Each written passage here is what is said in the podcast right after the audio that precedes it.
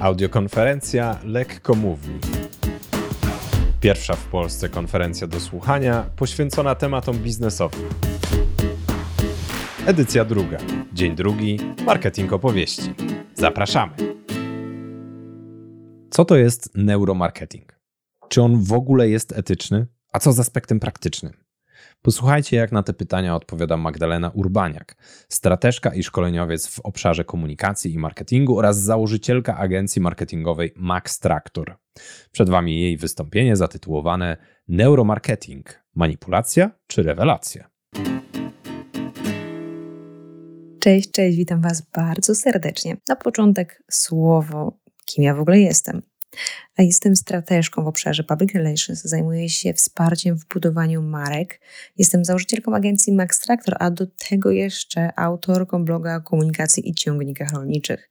W sensie osobno, to nie jest jeden blog, ale gdyby ktoś z Was chciał później poczytać więcej o rolnictwie, to serdecznie zapraszam Was na traktormania.pl ale do brzegu.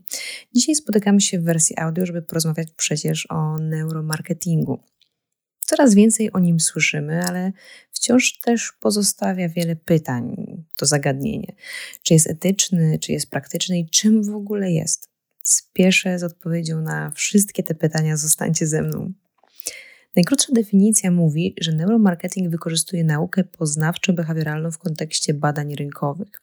Dzięki temu jest w stanie określić reakcję konsumenta na bodźce marketingowe.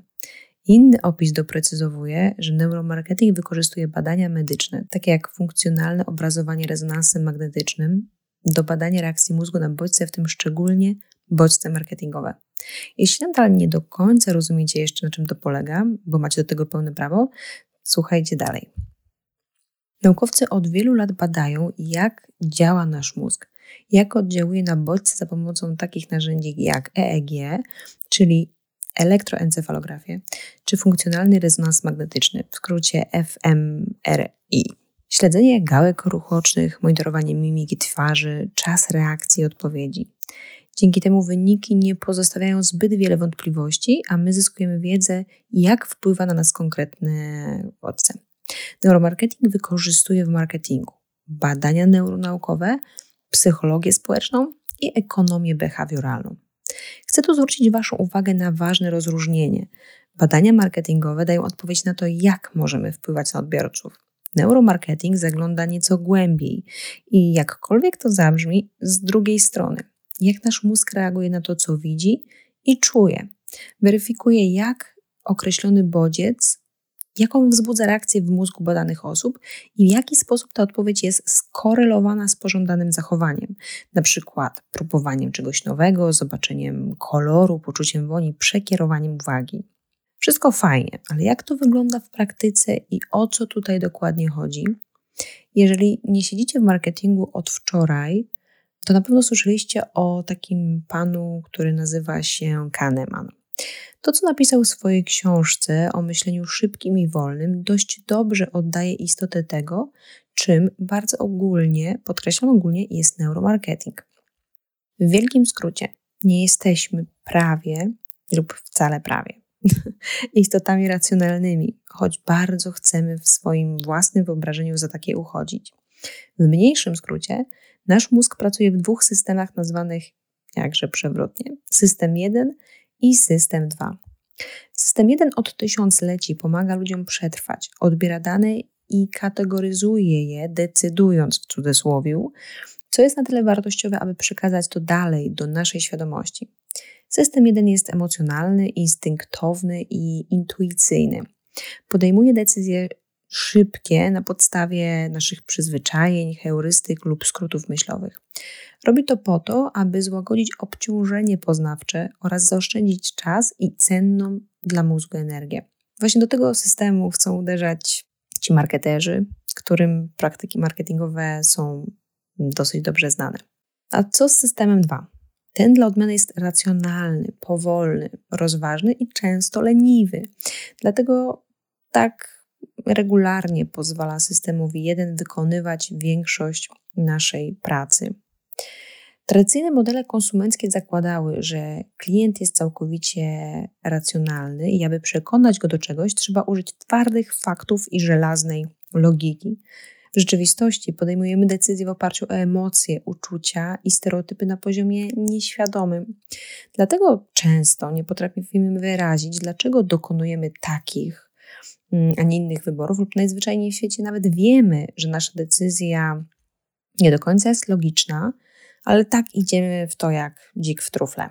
Możecie nawet sami zastanowić się, czy przypadkiem nie mieliście w swoim życiu, w swojej codzienności do, do czynienia z sytuacją, kiedy zdecydowaliście się na coś, co nie było mm, stricte logiczne, ale mimo to wasze serce, emocje, czy jakkolwiek inaczej to nazwiecie, popchnęło was w tym kierunku. No dobra, ale w kontekście tego, czego się dowiedzieliście teraz, zastanówmy się, w czym pomaga nam neuromarketing, bo to też jest bardzo ważne pytanie. I dlaczego neuromarketing staje się taki atrakcyjny dla coraz większej liczby osób? Odpowiedź jest bardzo prosta. Konsumenci, czyli de facto my wszyscy, jesteśmy coraz bardziej przebodźcowani. Zalewa nas fala informacji, reklam, produktów. Mamy do dyspozycji kilkadziesiąt rodzajów sera żółtego, wody mineralnej czy nawet jogurtu. Ubrania, gadżety czy książki możemy kupować w jednym z setek różnych, setek tysięcy różnych sklepów. Marketerzy stoją przed błyskawicznie rosnącym wyzwaniem, jak dotrzeć do odbiorcy, jak przykuć jego uwagę. Neuromarketing może znacznie w tym pomóc. Coraz więcej firm deklaruje, że całą lub większość swoich strategii zamierza oprzeć na marketingu doświadczeń, budować relacje i wzbudzać emocje, tworzyć identyfikację wizualną i komunikację organizacji, budować produkt, UX, właściwie wszystko. A do tego wiedza z zakresu neuromarketingu jest niezbędna, a na pewno ekstremalnie przydatna. Pamiętajmy o tym, że neuromarketing to znacznie więcej niż chwytliwe kampanie i przyciągające oko kreacje. Informacje na temat naszych zachowań możemy, a wręcz powinniśmy zastosować dla usprawnienia funkcjonowania całej organizacji. Zaczynając od badania DNA marki i całościowej komunikacji wewnętrznej, idąc przed wzmocnienie relacji wewnątrz firmy, poprawienie motywacji i nastroju w zespole, ułatwienia wymiany wiedzy pomiędzy zespołami. To nie zawsze są wielkie zmiany, czasami to są nawet drobne usprawnienia. Na tym organizacja może tylko zyskać, a klienci na koniec dnia z pewnością to odczują. Znacie już teraz trochę więcej teorii. Porozmawiajmy o konkretnych przykładach, abyście mogli jeszcze lepiej zrozumieć, o czym my tutaj dzisiaj rozmawiamy. Wyniki badań pokazały, że błyszczące opakowania na żywność wzbudzają więcej negatywnych odczuć. Matowe zaś mają dużo bardziej neutralny wydźwięk. Kojarzone są wręcz z czymś, co jest bliżej natury, z tym, co może być zdrowsze. Zobaczcie na przykład, jak wyglądają paczki z chipsami, tak zwane z pieca. A pozostając przy zdrowym, a jakże pożywieniu, powiedzmy sobie o tym, co zrobił koncern Frito-Lay, który wykorzystał neuromarketing, próbując zwiększyć skuteczność marki Cheetos. Oni postawili zarówno na EEG, jak i grupy fokusowe, aby określić wpływ reklamy, w której kobieta zrobiła żart swoim przyjacielowi. Wrzuciła mu do suszarki z białymi ubraniami pomarańczowe przekąski. No wiadomo, że całe pranie szlak trafił. I chociaż widzowie z grupy fokusowej stwierdzili, że nie podoba im się zarówno reklama, jak i żart, badanie EEG na tych samych uczestnikach wykazało, że w rzeczywistości myśleli odwrotnie. Uwielbiali wręcz te reklamy, ale wahali się to powiedzieć, bojąc się, że zostaną postrzegani, że ich współtowarzysze, chyba najlepiej tak powiedzieć, ich towarzysze po prostu pomyślą sobie, że są złośliwi. To de facto kwintesencja neuromarketingu. Dane deklaratywne versus to, co myślimy naprawdę i co czujemy naprawdę i na co naprawdę zwracamy uwagę. Inny przykład. Od dawna wiadomo, że lepiej działają te reklamy, w których występują ludzie, a konkretnie nasze twarze, a już szczególnie twarze niemowlaków. Te mają tendencję do przyciągania uwagi konsumentów dłużej i to takiej uwagi bardziej skoncentrowanej. Firmy próbują wpływać na konsumentów, używając zbliżeń na bobasy. Badania pokazują jednak, że tylko to nie wystarczy bo naukowcy odkryli, że gdy niemowlę patrzy twarzą przed siebie, czyli tak jakby na nas, widzowie będą znacznie bardziej skoncentrowani na twarzy dziecka. Jeśli jednak niemowla kieruje swój wzrok na produkt lub tekst, to odbiorca w rzeczywistości skupi się na treści reklamowej. Wniosek z tego płynie taki, że jeżeli umieszczacie w swoich materiałach promocyjnych twarzy ludzi, a szczególnie dzieci, jeżeli wpisuje się to w Waszą komunikację, lepiej, aby ich wzrok był skierowany na to, co chcemy podkreślić, mm, gdzie chcemy przenieść uwagę odbiorców. Przy okazji też możecie pomyśleć sobie o tych reklamach, które wcale nie oferowały bezpośrednio produktów dla dzieci, a w których jednak sylwetki postaci dzieci zostały wykorzystane, jak na przykład w chyba już wiralowej, acz nie najnowszej reklamie jednej z wód mineralnych. Inny przykład zastosowania neuromarketingu możemy znaleźć w architekturze kolorów marki i jej komunikacji, no bo to też jest, e, to też jest neuromarketing. Trzeba Wam wiedzieć, że eksperci właśnie z zakresu neuromarketingu specjalizujący się w kolorze i reklamie podzielili kolory na podgrupy jako wskazówkę, jak można je skutecznie wykorzystać. Na przykład kolor pomarańczowy jest emocjonalny, ciepły, energiczny i otwarty. Jak może wpłynąć na odbiorcę? Pobudza jego apetyt, obiecuje dobrą zabawę i przygodę. Inny kolor, czerwony, jest kojarzony z życiem, miłością czy pasją. Pobudza do działania, zwraca uwagę i mobilizuje. Z drugiej zupełnie strony mamy na przykład kolor zielony, łączony ze spokojem, nadzieją, wzrostem, relaksem. Daje poczucie bezpieczeństwa i pomaga odpocząć. Powiedzmy jeszcze tutaj o czarnym. Ten ma różne skojarzenia, bo i elegancję, ekskluzywność, ale też strach i niebezpieczeństwo wspiera poczucie powagi i profesjonalizmu. Zwróćcie uwagę, że są marki, które oparły swoją rozpoznawalność na bardzo konsekwentnym i spójnym stosowaniu właśnie kolorów. Mam tu na myśli takie marki jak Milka, Starbucks, Google, Coca-Cola, Play czy John Deere. Zastanówcie się dzisiaj, czy kolory, które Was reprezentują, których używacie w swojej komunikacji, są zgodne z Waszymi wartościami i tożsamością marki. Na koniec rzecz, która według mnie jest niesamowicie ciekawa, a opisał ją szczegółowo Barry Schwartz w swojej, moim zdaniem, wybitnej książce Paradoks wyboru. Generalnie nasz mózg bardzo nie lubi podejmować decyzji. Wymaga to od niego wykonywania dodatkowej, intensywnej pracy. A jednym z priorytetów naszej podświadomości jest ilość tej pracy ograniczać. Dlatego wiele decyzji powstaje, czy dokonujemy poza naszą świadomością. Nie analizujemy ich, bo gdybyśmy musieli rozważać każdy jeden wybór, od tego, jaką nogą wstaniemy, którą ręką czeszemy włosy, jaki wybierzemy kubek do kawy itd., tak itd., tak już przed dziesiątą rano bylibyśmy wykończeni. Właśnie o tym najwięcej mówi system 1 i system 2, o którym wspomniałam wcześniej. W związku z tym zdecydowanie lepiej jest paradoksalnie być może dla niektórych z Was, dawać odbiorcom mniejszy wybór, redukować opcje i przedstawiać je w taki sposób, aby analizowanie możliwości było jak najszybsze. Konsumenci deklarują, że chcą wyboru w sensie ogólnym, ale dokładniejsza analiza pokazuje, że w rzeczywistości cenią możliwości wyboru tylko wtedy, gdy dostrzegają znaczące różnice pomiędzy oferowanymi opcjami.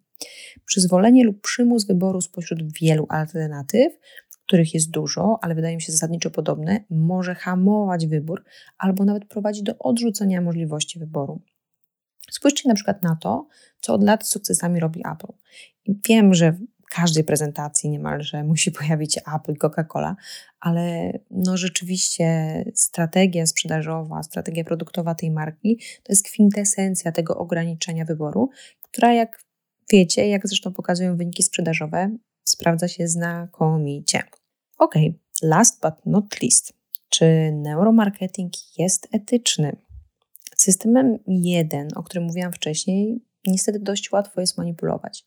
Według mnie to pytanie podobne do tego, czy jest etyczny, czy powinniśmy na przykład znać skład i sposób aktywowania dynamitu. Jedno to poznać, drugie to zastosować.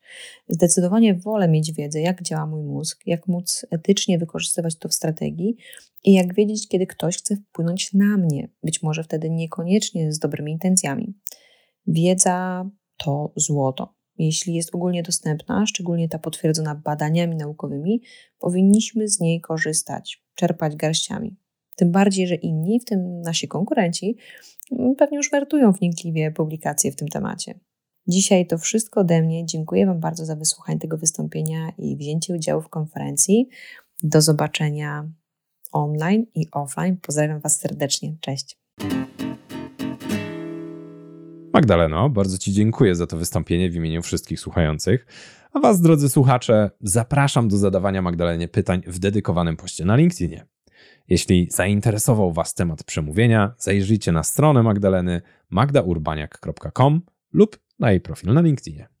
Jeśli potrzebujecie szkolenia lub konsultacji w temacie wystąpień publicznych, piszcie na kontakt lekkomowni.pl. A jeśli chcecie wyprodukować podcast i potrzebne Wam wsparcie, piszcie na kontakt cleverhearted.com. Subskrybujcie marketing opowieści w swojej ulubionej aplikacji podcastowej, żeby śledzić nasze działania po audiokonferencji. W podcaście znajdą się wywiady z różnymi osobami, które stosują marketing opowieści w swoich działaniach, więc warto, myślę, dowiedzieć się, czym będą chcieli się podzielić. Z kolei na stronie cleverhearted.com znajdziecie nasze webinary i informacje o tym, jak produkujemy podcasty dla naszych klientów. Wszystkie podane adresy e-mail i strony znajdziecie w opisie odcinka. Dziękujemy za wysłuchanie.